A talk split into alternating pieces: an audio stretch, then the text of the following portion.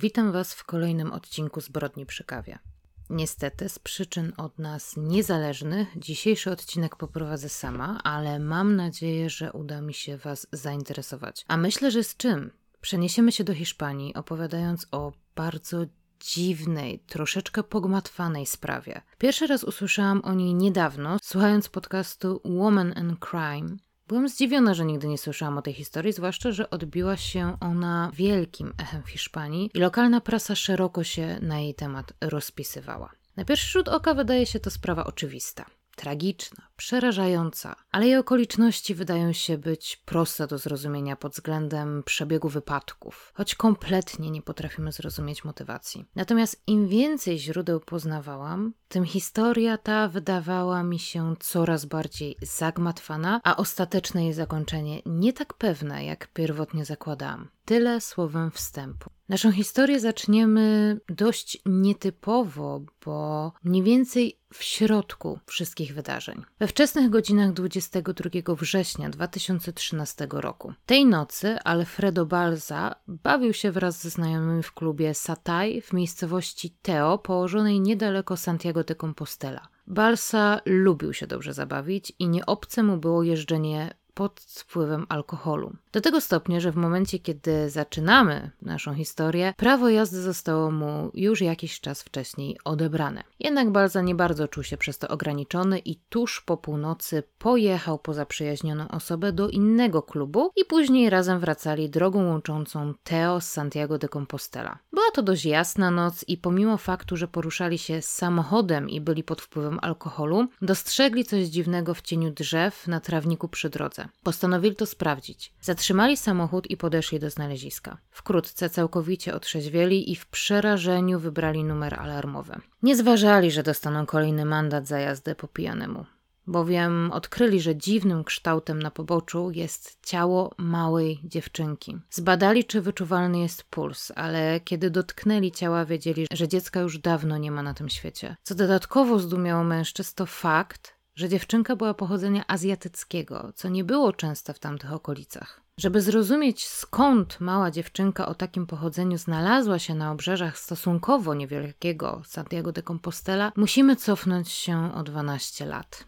W czerwcu 2001 roku na pokładzie samolotu lecącego do Chin znajdowała się para Hiszpanów. Ona, Rosario Porto, 33-letnia, czarnowłosa, drobniutka kobieta, która według źródeł miała jedynie 142 cm wzrostu, i on, 38-letni Alfonso Basterra, zadbany dżentelmen w okularach. Małżeństwo zaliczało się do elit Santiago de Compostela. Ona pochodziła ze znamiennej w tej miejscowości rodziny. Jej matka wykładała historię sztuki i była cenionym w tej dziedzinie pracownikiem akademickim. Ojciec był znanym prawnikiem, który pracował także jako honorowy konsul Francji. Rosario uczęszczała do dobrych szkół, poszła na prawo. W czasie studiów udało jej się nawet dostać na wymianę do Wielkiej Brytanii, a później wyjechała do Francji. Jednak nie zagrzała tam długo miejsca, gdyż, jak przyznała w jednej z wypowiedzi, przywykła do pewnego sposobu traktowania, z którym spotykała się w Santiago, a którego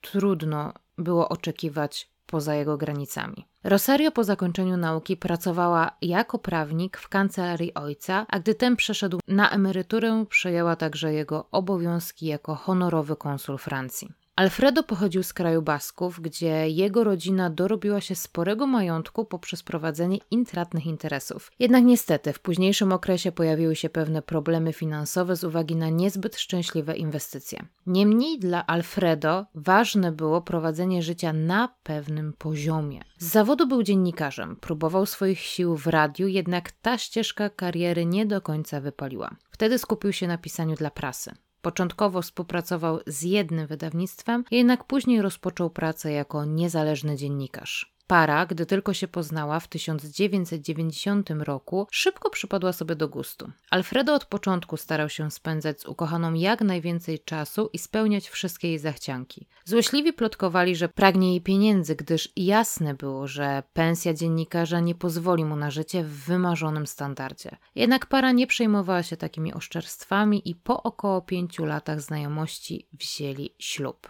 Jak może poświadczyć wiele młodych par, wkrótce po ślubie zaczęły się pytania o dziecko. Jednak dla pary nie było to wcale takie proste. Alfredo ponoć marzył o dziecku, jednak Rosario, w zależności od źródeł, albo nie chciała być matką, lub nie mogła nią zostać poprzez przeciwwskazania medyczne. W końcu za namową rodziców Rosario postanowili adoptować dziecko. Wspólnie podjęli decyzję, że pragną stworzyć dom dla dziecka z Chin. Dlaczego? Powody mogą być dwa. Po pierwsze, przez niż demograficzny w Hiszpanii nie było wiele dzieci do zaadoptowania. Podejrzewam, że zwłaszcza w wieku niemowlęcym, o który najczęściej chodzi rodzicom. Dodatkowo cała procedura była bardzo wymagająca i długotrwała. W tym zakresie adopcja z zagranicy była po prostu łatwiejsza. Po przejściu procedury weryfikacyjnej i opłaceniu kosztów w wysokości od 10 tysięcy euro, można było zostać rodzicem w o wiele szybszym tempie. Małżeństwo nie miało problemów z żadnym z tych warunków.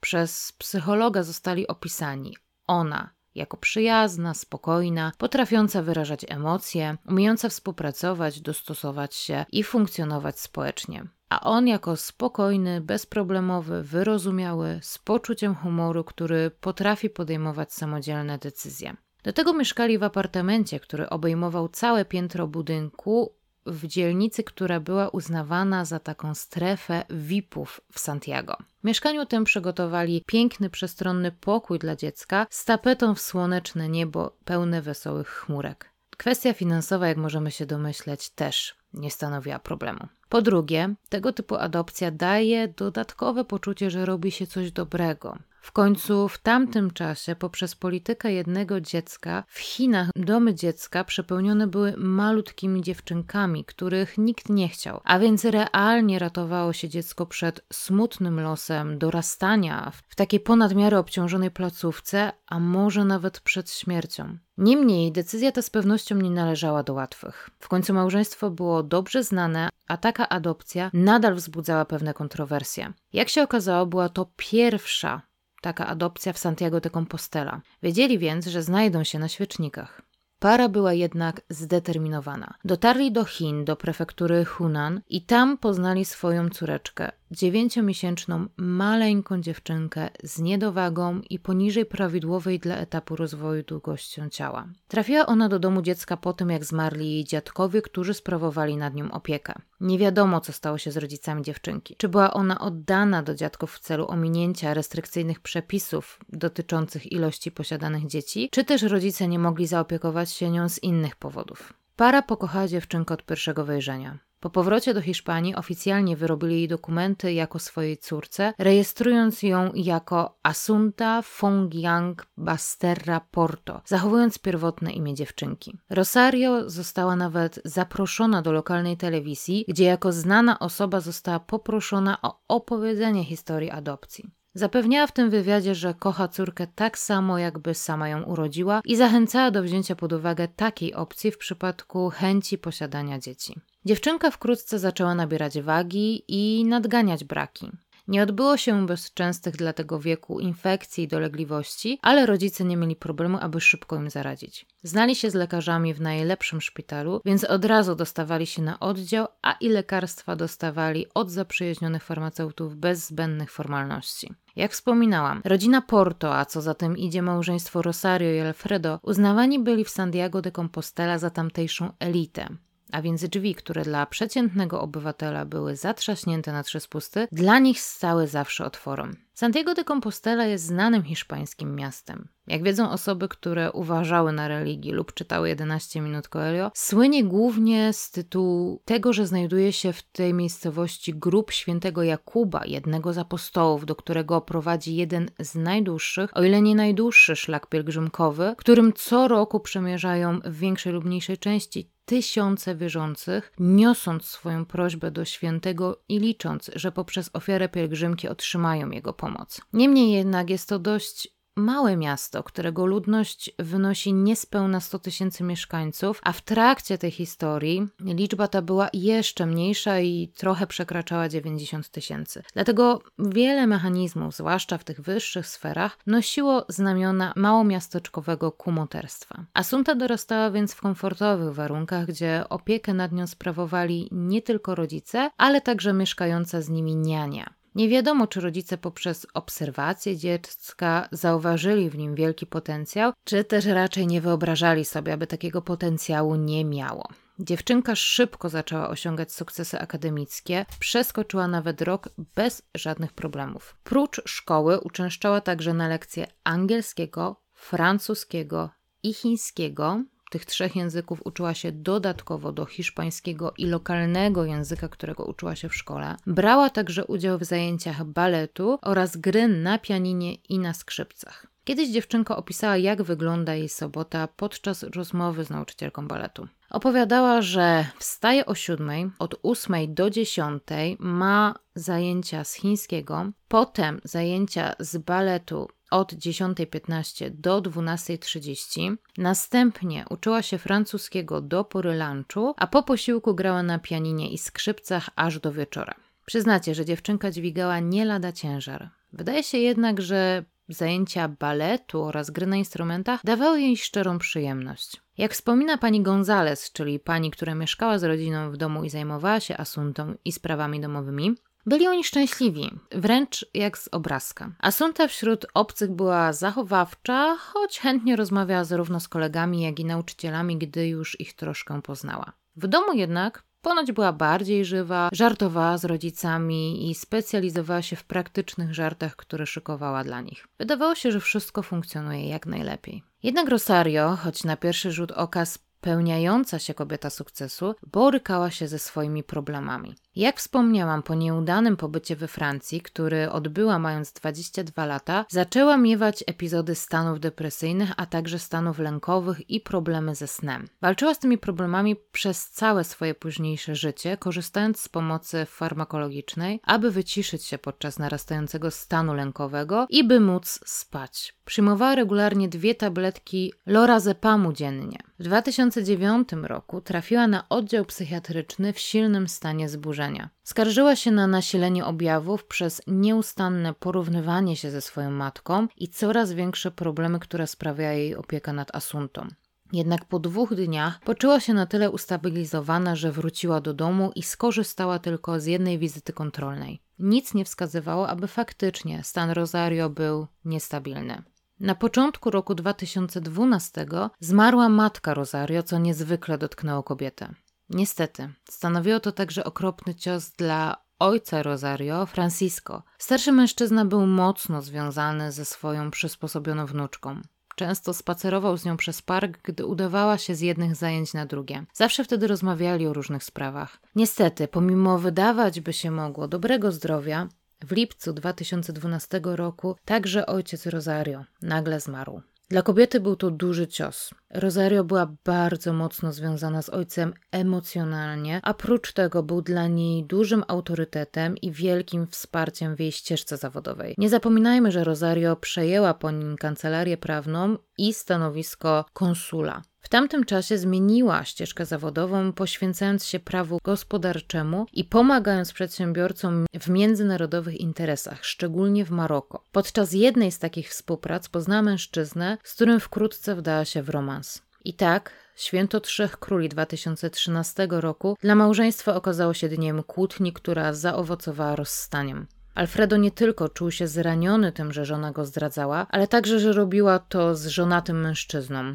co uznał za niezwykle wulgarne i obraźliwe. Sama Rosario podsumowała, że była po prostu znudzona związkiem z mało ambitnym mężem, który tylko by zajmował się domem. I tak już w lutym para rozwiodła się. Jak to przyjęła Asunta? Cóż, z pewnością nie było to dla niej łatwe. Mając 12 lat, niejedno już rozumiała w konflikcie rodziców. Jednak podczas rozmowy z nimi, kiedy zapewniali, że nadal ją tak samo kochają i będą się nią nadal zajmować, nawet jeśli nie będą razem, dziewczynka pragmatycznie spytała: A kto teraz będzie gotować? Nie było to pytanie pozbawione sensu, gdyż małżonkowie ustalili, że Alfredo wyprowadzi się z ich mieszkania, a Asunta zostanie z matką.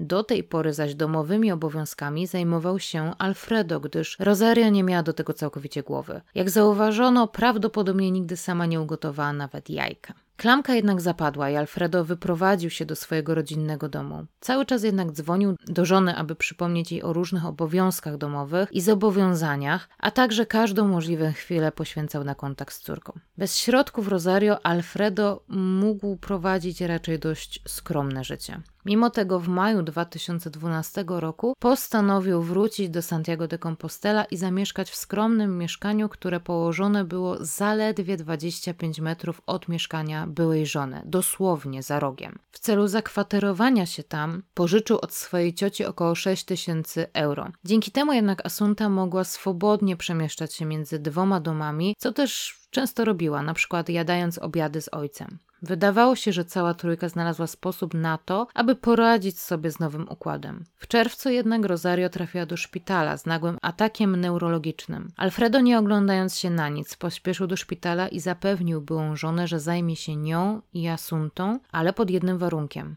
że zakończy romans. Rosario zgodziła się. Od tej pory cała trójka spędzała ze sobą więcej czasu. Oglądali wspólnie filmy w sobotnie wieczory, jedli wspólne obiady w mieszkaniu Alfredo, jednak wciąż małżonkowie mieszkali osobno. I tak nastały wakacje 2013 roku. Od końca lipca do września Asunta przebywała nad morzem ze swoją matką chrzestną, a później znajomą rodzinę, z którą była bardzo mocno związana. Wszystko to w bezpośrednim sąsiedztwie domu, w którym wypoczywali jej rodzice, przez co także z nimi spędzała całkiem sporo czasu. Było to ponoć rozwiązanie, które już wcześniej było stosowane przez tą rodzinę. Jak wypowiadają się osoby z otoczenia Asunty, były to jej najlepsze wakacje i opowiadała o nich z dużym ożywieniem. Po powrocie jednak jakby coś się zmieniło w dziewczynce. Była ospała, na zajęciach nie potrafiła utrzymać uwagi. 21 września udała się do mieszkania ojca, by zjeść obiad. Dołączyła do nich Rosario. Później o 17.21 rejestruje ją kamera z monitoringu banku, który znajduje się na rogu pośrodku drogi z mieszkania ojca do mieszkania, które dzieliła z matką. Rosario chwilkę później także wróciła do domu i udała się do rodzinnego domu letniego w Teo, położonego niedaleko San Diego. Kiedy wieczorem wróciła z powrotem do domu, nie znalazła córki. Pomyślała, że poszła do ojca, ale okazało się, że i tam jej nie ma. Alfredo przyszedł do Rosario i wspólnie obdzwonili znajomych Asunty. Nigdzie jednak nie znaleźli dziewczynki. W końcu około 22.30 zgłosili zaginięcie córki. Złożyli zeznania, przynieśli zdjęcia Asunty. Wspomnieli też o dziwnej sytuacji z początku lipca, kiedy w nocy Rosario obudził przeraźliwy krzyk dziewczyny i gdy wbiegła do pokoju córki, zobaczyła jak pochyla się nad nią ubrany na czarno mężczyzna, który następnie wybiegł z pokoju, popychając po drodze kobietę i uciekł z mieszkania. Kobieta przyznała, że nie zgłosiła sprawy na policję, bo uznała, że był to po prostu rabunek, bo zniknęły różne drobne przedmioty, a wiedziała, że takie sprawy rzadko są rozwiązywane. Nie chciała dodatkowo traumatyzować córki, a i sama nie chciała też przez to znów przechodzić. Ustaliła, że złodziej dostał się do mieszkania, bo córka zapomniała wyjąć klucza z drzwi, przez co uznała, że jeśli zwiększą ostrożność, to unikną tego typu sytuacji w przyszłości. Kiedy około wpół do drugiej na policję trafiło zgłoszenie o znalezieniu zwłok młodej dziewczynki azjatyckiego pochodzenia, szybko przyjmują oni, że Asunta niestety znalazła się w najgorszy możliwy sposób. Policja szybko przystąpiła do swojej pracy. Na ciele dziecka znaleziono ślady otarcia w okolicy kostek i nadgarstków, a także fragmenty pomarańczowej plastikowej linki.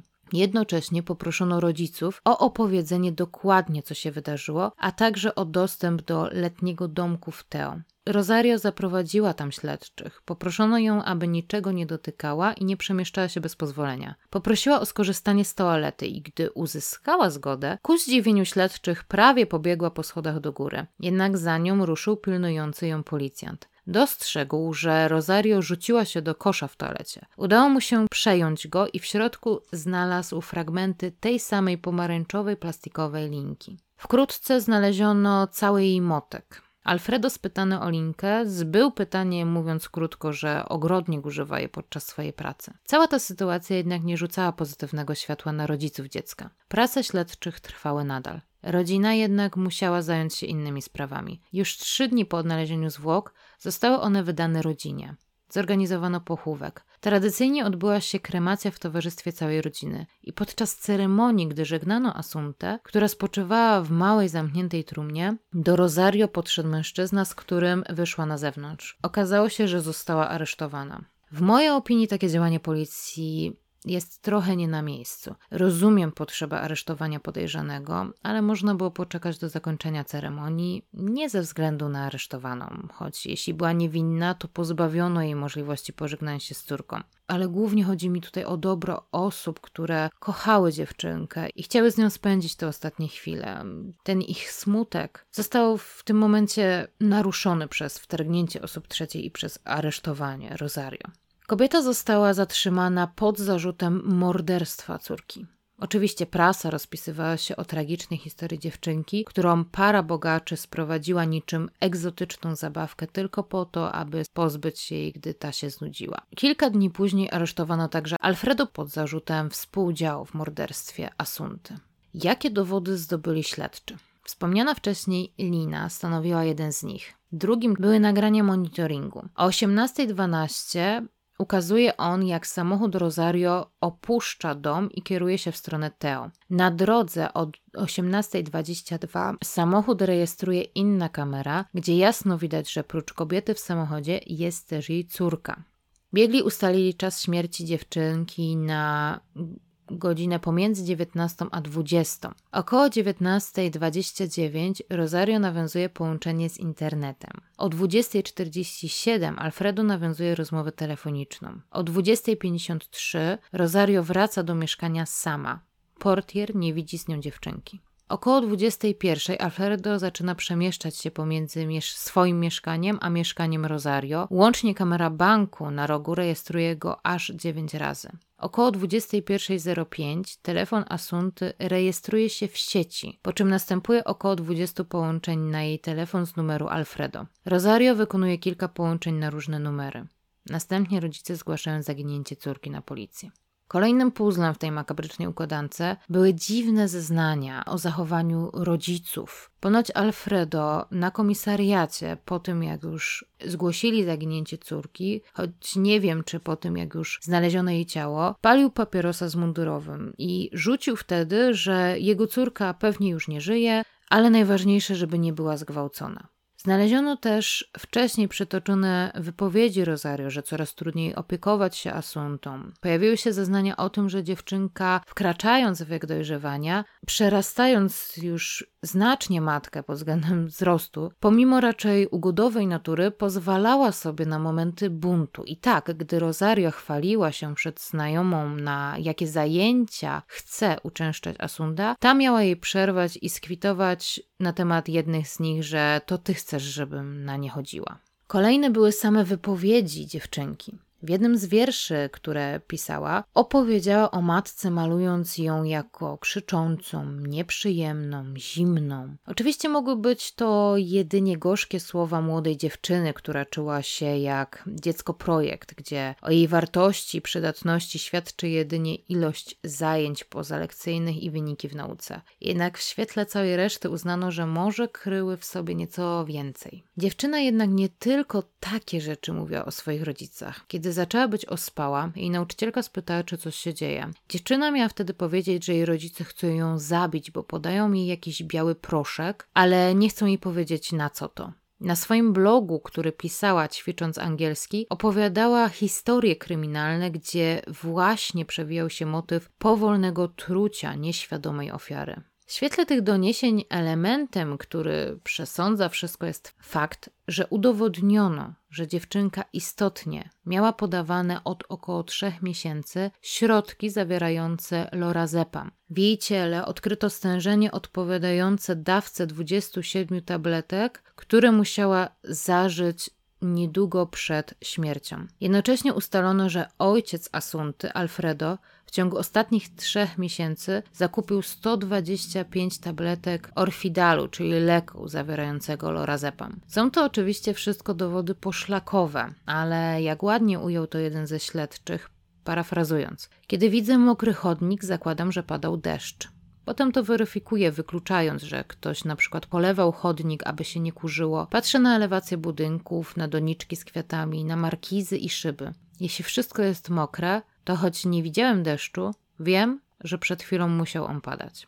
Oczywiście rodzice zaprzeczali, że mieli cokolwiek wspólnego ze śmiercią Asunty. Rosario przyznała, że faktycznie wyjechały razem z córką z domu, ale że dziewczynka przypomniała sobie, że musi uczyć się, więc odwiozła ją do domu i potem pojechała sama do Teo, więc jej zeznania wcale nie były niezgodne z prawdą. Niemniej te przejazdy w tą i z powrotem nie zostały potwierdzone przez monitoring. Jeden ze świadków widział, jak tuż przed wyjazdem Rosario Asunta szła w stronę mieszkania z ojcem. I tu powiem szczerze, że troszeczkę nie pasuje mi to czasowo i sytuacyjnie do tego, co możemy potwierdzić na podstawie monitoringu. Jak wiemy, naoczni świadkowie często się mylą.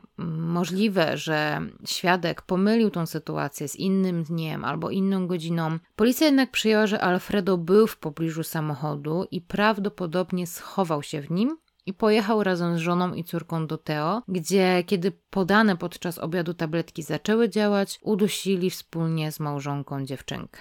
Bo tak jak wspomniałam, biegli ustalili, że tabletki musiały zostać podane dziewczynce niedługo przed śmiercią, a więc przyjęto, że zostały podane z obiadem, który spożyła u ojca. Możemy się zastanawiać, w jaki sposób mogła nie zauważyć podania tak dużej dawki leku, ale musimy sobie uzmysłowić, że były to takie maleńkie tableteczki, ponoć bez żadnego znacznego smaku. W jednym dokumencie, który oglądałam, zmiażdżono właśnie taką dawkę 27 tabletek tego orfidalu i powstał proszek, który mógłby się zmieścić na łyżce stołowej. Także nie jest to bardzo duża ilość. Dlaczego przyjęto, że przyczyną śmierci dziewczynki było uduszenie?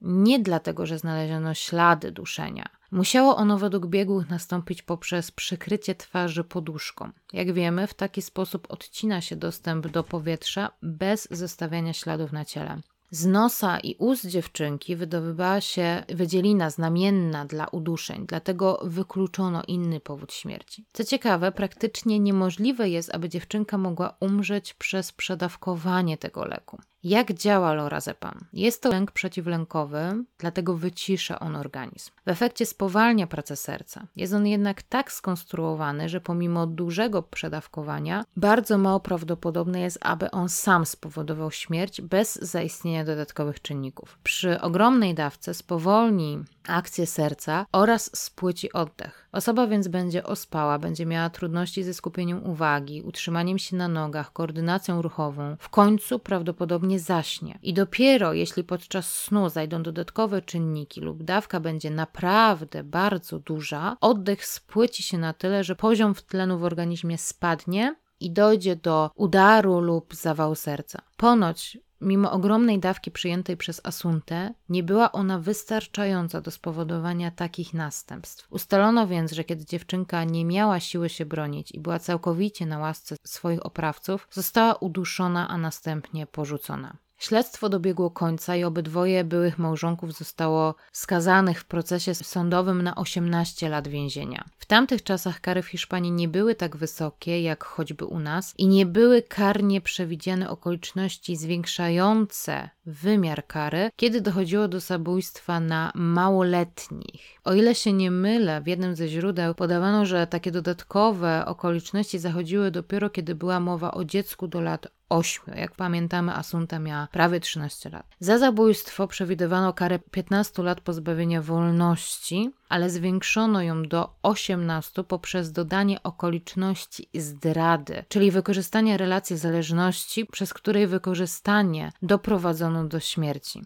Pomimo odwołania się przez obydwu oskarżonych, wyrok został podtrzymany. Rosario cztery lata po skazaniu próbowała popełnić samobójstwo nieudane. Została przeniesiona do innego ośrodka, gdzie po kolejnych trzech latach popełniła następną próbę samobójczą, tym razem skutecznie. Alfredo, z tego co znalazłam w źródłach, nadal przebywa w więzieniu. Tak jak wspomniałam na początku. Wydaje się, że sprawa jest oczywista i wszystko zostało wyjaśnione. Niemniej mnie nie daje spokoju to, że nikt nie wskazał jasnego motywu, dla którego rodzice mieliby zabić córkę. Pojawiły się oczywiste spekulacje, podsycane przez media, które niejednokrotnie podawały spaczone dane w taki sposób, aby sprzedać historię. Pierwszą hipotezą był motyw finansowy. Odkryto, że nowa firma Rosario niezbyt dobrze sobie radziła i kobieta zaczęła popadać w długi. Oczywiście Alfredo nie dorzucał się do wspólnego majątku na tyle, aby móc realnie wyrównać straty ponoszone przez żonę. Jak gromko komentował jeden z członków rodziny Rosario, po śmierci matki Rosario małżonkowie postanowili pozbyć się Francisco, czyli ojca Rosario, i dlatego nagle zmarł on, choć kilka dni wcześniej podczas wizyty tegoż krewnego był, mówiąc kolokwialnie, na fleku. Krewny snuje dalszą teorię, że Francisco kochał Asuntę i chciał jej zapewnić dobrą przyszłość, a widząc problemy finansowe Rosario, postanowił przepisać wszystko wnuczce, aby nie straciła ona majątku. Gdy małżonkowie się o tym dowiedzieli, postanowili pozbyć się Asunty, by przejąć spadek. Przyznacie, że to dość mocne oskarżenia. Czy jednak były prawdziwe? Prawdą są dwie rzeczy. Firma Rosario nie radziła sobie dobrze i faktycznie kobieta zaczynała mieć długi. Prawdą jest też to, że ta krewna osoba miała ogromny żal, że została pominięta w testamencie Francisco. Co za tym idzie, była dość mocno przepełniona gniewem, który mógł zrodzić takie oskarżenia. Nieprawdą jest jednak, że ojciec postanowił pominąć Rosario w testamencie. Obydwa testamenty rodziców Rosario zostały spisane w 1975 roku, czyli na długo przed tym, zanim Asunta pojawiła się w życiu rodziny i nie uległy zmianie od tamtego czasu. Rosario po śmierci rodziców odziedziczyła łączny majątek w wysokości około 2 milionów euro, zarówno w gotówce, jak i w nieruchomościach, cennych przedmiotach takich jak biżuteria, dzieła sztuki czy antyki. Trudno więc uznać, że ten motyw był prawdziwy. Dużo zwolenników ma druga hipoteza. Dość dużym echem odbiły się dwa doniesienia prasy bazujące na dwóch oświadczeniach policji. Jedno z nich mówiło o nietypowych zdjęciach znalezionych na komputerze ojca, drugie o znalezieniu spermy na ubraniu dziewczynki. Dodatkowo pamiętamy dziwną wypowiedź ojca podczas szukania dziewczyny, że pewnie nie żyje, ale byle nie została zgwałcona, a także dziwny komentarz żony do Alfredo, kiedy zostali zatrzymani. Powiedziała ona wtedy: Zobacz, dokąd zaprowadziły nas te twoje fantazje. Na co mężczyzna ma ją stanowczo, wręcz agresywnie uciszyć. Wygląda podejrzanie, prawda? Niemniej, kiedy przyjrzeć się bliżej, wszystko zaczyna się trochę rozchodzić w szwach. Zdjęcia, o których mówiła policja, pokazywały Asuntę w kabaretkach i w szmince. Jednak po zbadaniu okazało się, że był to strój, w którym występowała podczas przedstawienia. I na innych zdjęciach, które znaleźli policjanci, pozowała razem z kilkoma innymi dziewczynami, które były identycznie ubrane, bo także brały udział w spektaklu. A ślady spermy? Po zbadaniu okazało się, że należą do gwałciciela zatrzymanego w Mediolanie, którego próbki były badane w tym samym laboratorium, w którym były badane próbki zabezpieczone na ubraniach dziewczynki. W efekcie okazało się, że w zabezpieczonej na ubraniu próbce nie było spermy, a po prostu doszło do zanieczyszczenia jej w laboratorium. Co jednak z tymi dziwnymi wypowiedziami? Cóż, trudno tu jednoznacznie je ocenić. W momencie stresu pozwalamy sobie na dziwne wypowiedzi, które są jedynie strzępkami huraganu myśli, które ma się w takich sytuacjach w głowie. W mojej opinii zaś nie jest wcale takie dziwne, że kiedy ginie dziecko, myśli się o najgorszym i jednocześnie modli się, że jeśli do tego najgorszego doszło, to że nie było związane z jakimś dodatkowym cierpieniem, właśnie z jakąś dodatkową traumą, taką jaką niewątpliwie jest gwałt. Oczywiście można to uznać za przedwczesne pogodzenie się z tym, że stało się najgorsze. Niemniej, jak wspomniałam, w takich sytuacjach te, czasem to, co mówimy, to czubek góry lodowej i piętrzących się myśli i scenariuszy, które bez ustanku kutują się w głowie. Bardziej zastanawiająca jest wypowiedź podczas zatrzymania. Rosario skomentowała, że kiedy zostawiła męża, ten pisał jej w mailach, że równie dobrze mogła mu przyłożyć poduszkę do twarzy podczas snu, bo odchodząc od niego i tak go zabiła. Uznała, że zatrzymano ich właśnie dlatego, że pisał o duszeniu, a za przyczynę śmierci Asunty uznano właśnie uduszenie, prawdopodobnie poprzez zasłonięcie dróg oddechowych poduszką. No jest to jakieś tłumaczenie, jednak obojętnie jak spojrzymy na te wypowiedzi, to faktem jest, że nie ma żadnych dowodów na to, że dziewczynka była molestowana, a biegli wykluczyli wykorzystanie seksualne przed śmiercią. Nie znalazłam też żadnych wypowiedzi kogokolwiek, które sugerowałyby, że istnieją jakieś realne przesłanki, by podejrzewać Alfredo o to, że wykorzystywał córkę i chciał w jakiś sposób zatuszować to, a żona pomogła mu, bo powiedzmy, chciała uniknąć skandalu. Kolejną hipotezą jest to, że dziewczynka, kiedy zaczęła się buntować, przestała odpowiadać Rosario, która była rozpieszczoną dziedziczką, która dostawała zawsze to, czego chciała. Chciała dziecka, to je w cudzysłowie kupiła i miało być takie, jak je sobie wymarzyła, aby mogła się chwalić nim jak luksusowym samochodem. Kiedy przestała spełniać swoją funkcję, postanowiła je, znowu w cudzysłowie, oddać. Mąż zaś wpatrzony w nią i w pełni jej oddany, chcący wkupić się w jej łaski, postanowił pomóc jej, by była znów szczęśliwa. Cóż, mówiąc brutalnie, myślę, że jest to mocniejsza hipoteza niż dwie pozostałe, i tak naprawdę prokuratura właśnie w tym tonie budowała całą narrację tej sprawy i właśnie w tym upatrywała motywu małżonków do zabicia własnej córki. Rosario co prawda zapewniała, że kochała córkę. Opowiadała, że remontowała jeden pokój w mieszkaniu, by odpowiednio go wygłuszyć i zapewnić córce przestrzeń, w której mogłaby ćwiczyć grę na skrzypcach przy dobrej akustyce. Dodatkowo wspominała też o tym, że planowała dla niej wyjazd do szkoły w Wielkiej Brytanii, by mogła przynajmniej przez rok tam być i uczyć się i doskonalić swój angielski, którym władała bardzo dobrze. Z przytoczonych wcześniej wypowiedzi możemy zauważyć, że dla Rosario opieka nad córką zaczynała być trochę uciążliwa. I tu mamy na poparcie zarówno wypowiedzi właśnie samej Rosario, jak i Asunty. Możliwe, że po prostu pomiędzy kobietą a dorastającą kobietką no, nie układało się najlepiej, jak to często bywa zresztą w takim wieku. Myślę, że taką prawdopodobną hipotezą jest to, że Rosario, chcąc trochę utemperować nowo nabyty przez córkę charakterek, postanowiła podawać jej leki, które sama stosowała od lat przez co pewnie troszkę mogła lekceważyć ich działanie. Asunta sama przyznała, że podawane są jej jakieś leki, jak pamiętamy, jakiś biały proszek. Ponoć nawet spytano o to Rosario, a ta przyznała, że faktycznie podawała Asuncie leki, ale były to leki antyhistaminowe w związku z jej alergią.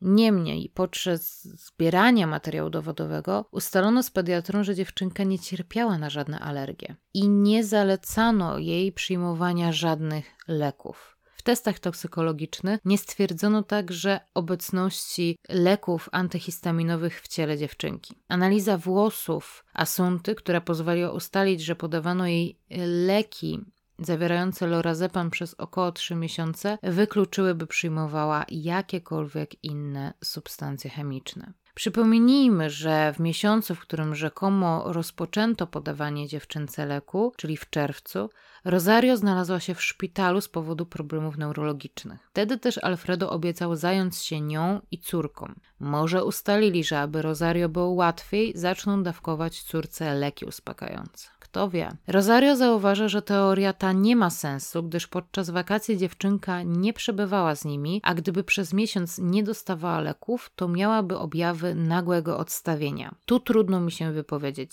Nie wiem, jak długofalowo działa lorazepam i czy faktycznie uzależnia, więc nie będę tu ani tego dementować, ani potwierdzać. Tak czy siak, nawet jeżeli przyjmiemy, że faktycznie podawali dziewczynce ten lek, co wydaje się być udowodnione przez właśnie analizę włosów, to nie znajduje się w tym wytłumaczenia, dlaczego nagle postanowili dać jej całe opakowania. Co takiego wydarzyło się we wrześniu, że uznali, że zaledwie kilka dni przed jej trzynastymi urodzinami zabiją ją. Może Alfredo, który przygotowywał posiłek, co za tym idzie prawdopodobnie dodał tabletki, chciał zranić żonę albo zmusić ją, żeby została w domu z córką, kiedy ta poczuje się źle. Wcześniej była ponoć taka sytuacja, kiedy Rosario została w domu z Asuntą, gdy ta, jak zgłosiła w szkole, źle zareagowała na leki. W końcu jego marzenia o powrocie do żony po tym, jak pomógł jej po pobyciu w szpitalu, spełzły na niczym. Do tego okazało się, że Rosario wcale nie zakończyła swojego romansu. Możliwe, ale jest to tylko spekulacja. Może w tym dniu wiedział, żona wybiera się do kochanka i postanowił pokrzyżować jej plany, a co stało się później, to po prostu następstwo tej samolubnej decyzji. Pobawmy się jednak w hipotezę, że małżonkowie są niewinni. Jakie są alternatywne wytłumaczenia? Pierwsza sprawa, która nie daje mi spokoju, to napad w lipcu na Asuntę, czy też włamanie do mieszkania Rosario. Zdarzenie to miało miejsce, co potwierdziła sama Asunta w rozmowie, czy też w wymianie wiadomości ze znajomą osobą, w której informowała, że w nocy ktoś chciał ją zabić i opisywała ze szczegółami to, co się wydarzyło, to, co pamiętała, że się wydarzyło tamtej nocy, i szczegóły te pokrywały się z tym, co Rosario zeznała później na policji. Jest to kompletnie oderwana sytuacja, ale aż trudno kompletnie odseparować ją od tego, co się stało z dzieckiem. Czy w śmierć Asunty mogły być zamieszane osoby trzecie? Wydaje się to mało prawdopodobne. Jednak to zdarzenie pozostawia jakieś takie dziwne niedomówienie. Nie sądzę, aby to był zamaskowany ojciec, choć jest to też jakaś teoria. Może chciał przywłaszczyć sobie kilka rzeczy, aby zasilić swój budżet, a Asunta obudziła się w trakcie. Przyznam szczerze, że akurat ta teoria jakoś mi nie leży, ale no kto wie. Jest to niewątpliwie taki wątek, który pozostawia pewien niedosyt i trudno powiedzieć, co tak naprawdę się wtedy wydarzyło i kto w tym mieszkaniu był.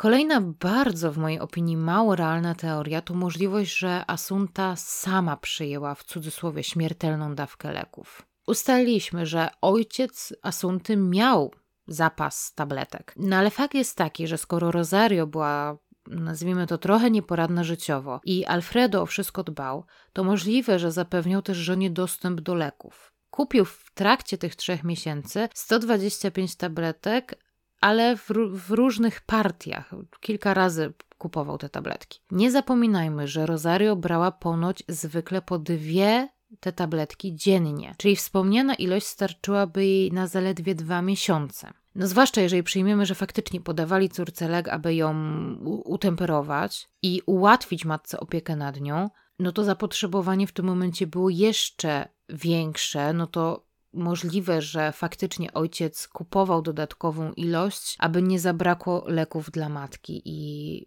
no i dla córki. Nie można nie zauważyć, że Asunta zaczynała być sfrustrowana, może ilością obowiązków, możliwe, że zachowaniem matki, którym mogła upatrywać powód tego, że nie mieszkali już razem. Może zaczęła mniej sprawnie godzić ten cały natłok obowiązków, nie mieć czasu na przyjemności czy spotkania z przyjaciółmi. Wchodząc w wiek dojrzewania, nastolatek zaczyna rozumieć, że no, życie to nie szkoła, a świat nie jest taki prosty i kolorowy. To zawsze jest duża rewolucja światopoglądowa napędzana rosnącym koktajlem hormonów. Wielu nastolatków nie radzi sobie z tym natłokiem, zwłaszcza jeśli nie mają dużego wsparcia wśród bliskich. A w przypadku Asunty wydaje mi się, że mogła czuć, że nie ma wsparcia rodziców.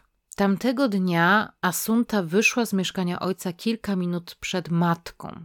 Może rodzice znów zaczęli się kłócić o kochanka Rosario i dziewczyna poczuła, że ma tego dość. Wiedząc, gdzie ojciec lub matka trzymają leki, postanowiła je ukraść i zażyć jedno opakowanie.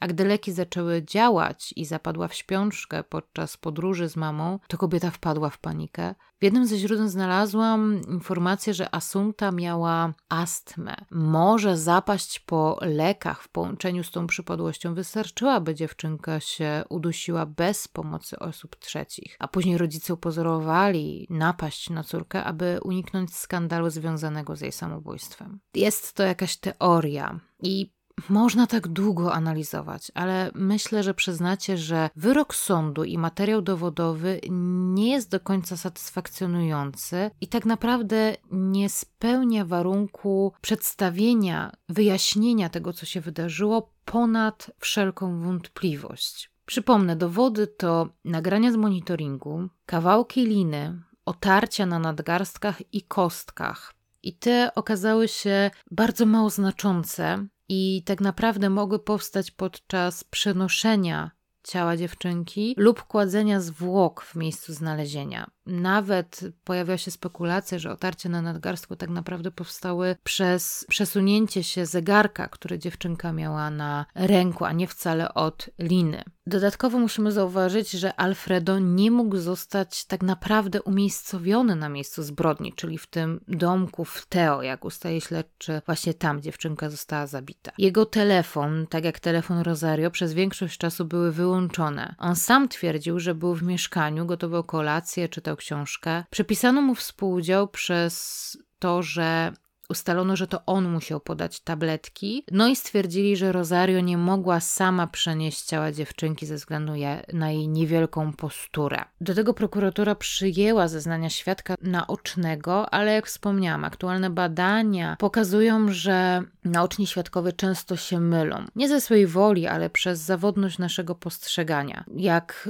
usłyszałam właśnie notabene w tym podcaście Woman in Crime te dwie panie doktor zajmują się właśnie kryminalistyką, w tym jedna z nich właśnie nieprawidłowymi osądzeniami kary, to ponoć w przypadku właśnie takiego skazania osoby niewinnej, to przyczyną skazania takiej osoby w 70 do 75% ze spraw, które chyba ona badała, właśnie winę ponosiły zeznania naocznych świadków, które okazały się nieprawdziwe. I osobom tym udało się udowodnić swoją niewinność niewinność poprzez późniejsze badania, właśnie na przykład próbek DNA. Także przyznacie, jest to bardzo duży procent pomyłek i to już w trakcie spraw sądowych, gdzie naoczni świadkowie potwierdzali, że właśnie osoba, która jest na ławie oskarżonych, to jest ta osoba, którą widzieli, a jak później się okazało, no niestety się mylili. To jest taki temat na, na dłuższą rozmowę, ale aktualnie uznaje się, że zeznania naocznych świadków są nie tak wiarygodne, jak chcielibyśmy wierzyć. Dodatkowo Dodatkowo w przypadku tej sprawy sekcja zwłok Asunty została wykonana wręcz rekordowo szybko. Przypomnę, już po trzech dniach ciało zostało wydane rodzinie i wkrótce po tym dziewczynka została skremowana, co do czego władze nie wyraziły żadnego sprzeciwu, czyli definitywnie została przekreślona możliwość ponownego zbadania ciała i ewentualnie znalezienia innych dowodów. Nie znalazłam też w źródłach informacji, czy faktycznie ustalono, że leki, które zostały podane dziewczynce, zostały wymieszane z jedzeniem, które zjadła. Myślę, że jeżeli faktycznie zjadła ten obiad i, jej śmierć nastąpiła po kilku godzinach, to w treści żołądkowej powinno być jeszcze nieprzetrawione do końca to jedzenie, które zjadła. Co za tym idzie, można by było zbadać tą treść żołądkową i ustalić, czy leki zostały podane osobno, czy zostały faktycznie wmieszane w to jedzenie. Możliwe, że było to zbadane, ja nie znalazłam tego w źródłach. Rosario do końca utrzymywała, że żyje po to, aby walczyć o to, by znaleźć tego, kto zrobił to jej córce. Że wie, że po tamtej stronie czekają na nią trzy ukochane osoby: jej rodzice i Asunta, i każą jej walczyć i nie poddawać się, by odnalazła prawdę. Trudno mi odnieść się do tych słów. Może była to tylko taka gra, taka próba udowodnienia tej swojej niewinności, znalezienia przychylnych sobie osób, żeby uwierzyły jej w to, że jest niewinna, może zadziałały, żeby wyszła szybciej z więzienia. Faktem też jest to, że nawet winne osoby potrafią się na tyle odsunąć, odkleić od tego swojego udziału w zbrodni, tak mocno wyprzeć ten swój udział w zbrodni, że szczerze wierzą, że są osobami niewinnymi, że, że absolutnie nie pamiętają, że brali udział w tej zbrodni i nie są w stanie uwierzyć, że są winni. Także możliwe, że tutaj w przypadku Rosario, która jak pamiętamy miała jakieś wcześniejsze epizody takie, gdzie potrzebowała pomocy psychiatrycznej, właśnie w obliczu tego całego stresu związanego z tym, co się działo, no pojawiła się taka właśnie dysocjacja, czyli odklejenie się od tego, co się wydarzyło i zaprzeczenie temu. Alfredo mm, nie pozwolił na badania psychiatryczne i nie wypowiada się w mediach. Od początku wyrażał szczere oburzenie oskarżeniami i podkreślał, że kochał córkę i nigdy by jej nie skrzywdził. Ale właściwie tylko tyle wiemy o stanowisku Alfredo. Faktycznie on nie wypowiada się na temat tego, co się stało, nie proponuje innych rozwiązań, ale też w przeciwieństwie do Rosario nigdy nie wypowiedział się, że, że chciałby znaleźć osobę, która to zrobiła, że chciałby szukać sprawiedliwości, co też wydaje się troszeczkę znaczące, więc tutaj trudno mi też się jednoznacznie do tego odnieść, no bo mamy po prostu mało danych, ale myślę, że warto też zauważyć takie zupełnie inne działanie obydwu małżonków. Osobiście no nie wierzę, że rodzice nie mieli nic wspólnego ze śmiercią dziewczynki. Podczas poznawania tej sprawy kilkukrotnie miałam już w głowie jasne rozwiązanie. Szkielet związków przyczynowo-skutkowych, które roztrzaskiwały się po przeczytaniu kolejnego materiału. Brak mi właśnie tych silnych i jednoznacznych dowodów, co już wspomniałam wcześniej. Nie udało mi się dotrzeć do hiszpańskiego dokumentu poświęconego tej sprawie, który ponoć bardzo rzetelnie przedstawiał wszystkie znane dowody i starał się być właśnie taki neutralny, nie przyjmować żadnej ze stron. Właśnie w tym dokumencie została nagrana rozmowa z Rosario z więzienia, po której ponoć właśnie twórcy tego dokumentu przyznali, że byli bardzo poruszeni i nie wiedzieli, jak się do tego odnieść, ponieważ w tej rozmowie Rosario wydała się bardzo szczera i faktycznie taką zrozpaczoną matką, która szuka sprawiedliwości, która czuje się skrzywdzona, więc też tutaj to możemy wziąć pod uwagę, ale faktycznie nie udało mi się znaleźć tego dokumentu. On swojego czasu ponoć był na Netflixie, nie wiem czy w Polsce. Także jeżeli byście gdzieś znaleźli dostęp do tego dokumentu, to dajcie proszę znać albo mailowo, albo najlepiej na Facebooku przez bezpośrednią wiadomość, bo tam najczęściej odczytuję od Was informacje, bo bardzo chciałabym faktycznie się z nim zapoznać, bo może to pomogłoby mi znaleźć e, takie, takie wytłumaczenie albo zająć jakieś jednoznaczne stanowisko. Bo jak widzicie, tu jest wiele teorii, ale tak naprawdę żadna z nich nie jest taka, że w 100% jestem w stanie w nią uwierzyć. Aktualnie skłaniam się raczej ku temu, że właśnie przez głupotę, lekkomyślność, może takie też zadufanie trochę i poczucie wyższości, i przez to jakieś takie działanie doszło do tego, że dziewczynka no, zareagowała źle na leki i w efekcie rodzice chcieli zatuszować swój udział w jej truciu, może nawet w jej śmierci. Może ta śmierć była faktycznie jakimś nieszczęśliwym wypadkiem, a nie takim przemyślanym działaniem. Tutaj właśnie trudno mi ocenić, ile w tym wszystkim było faktycznie okrucieństwa i celowego działania pary.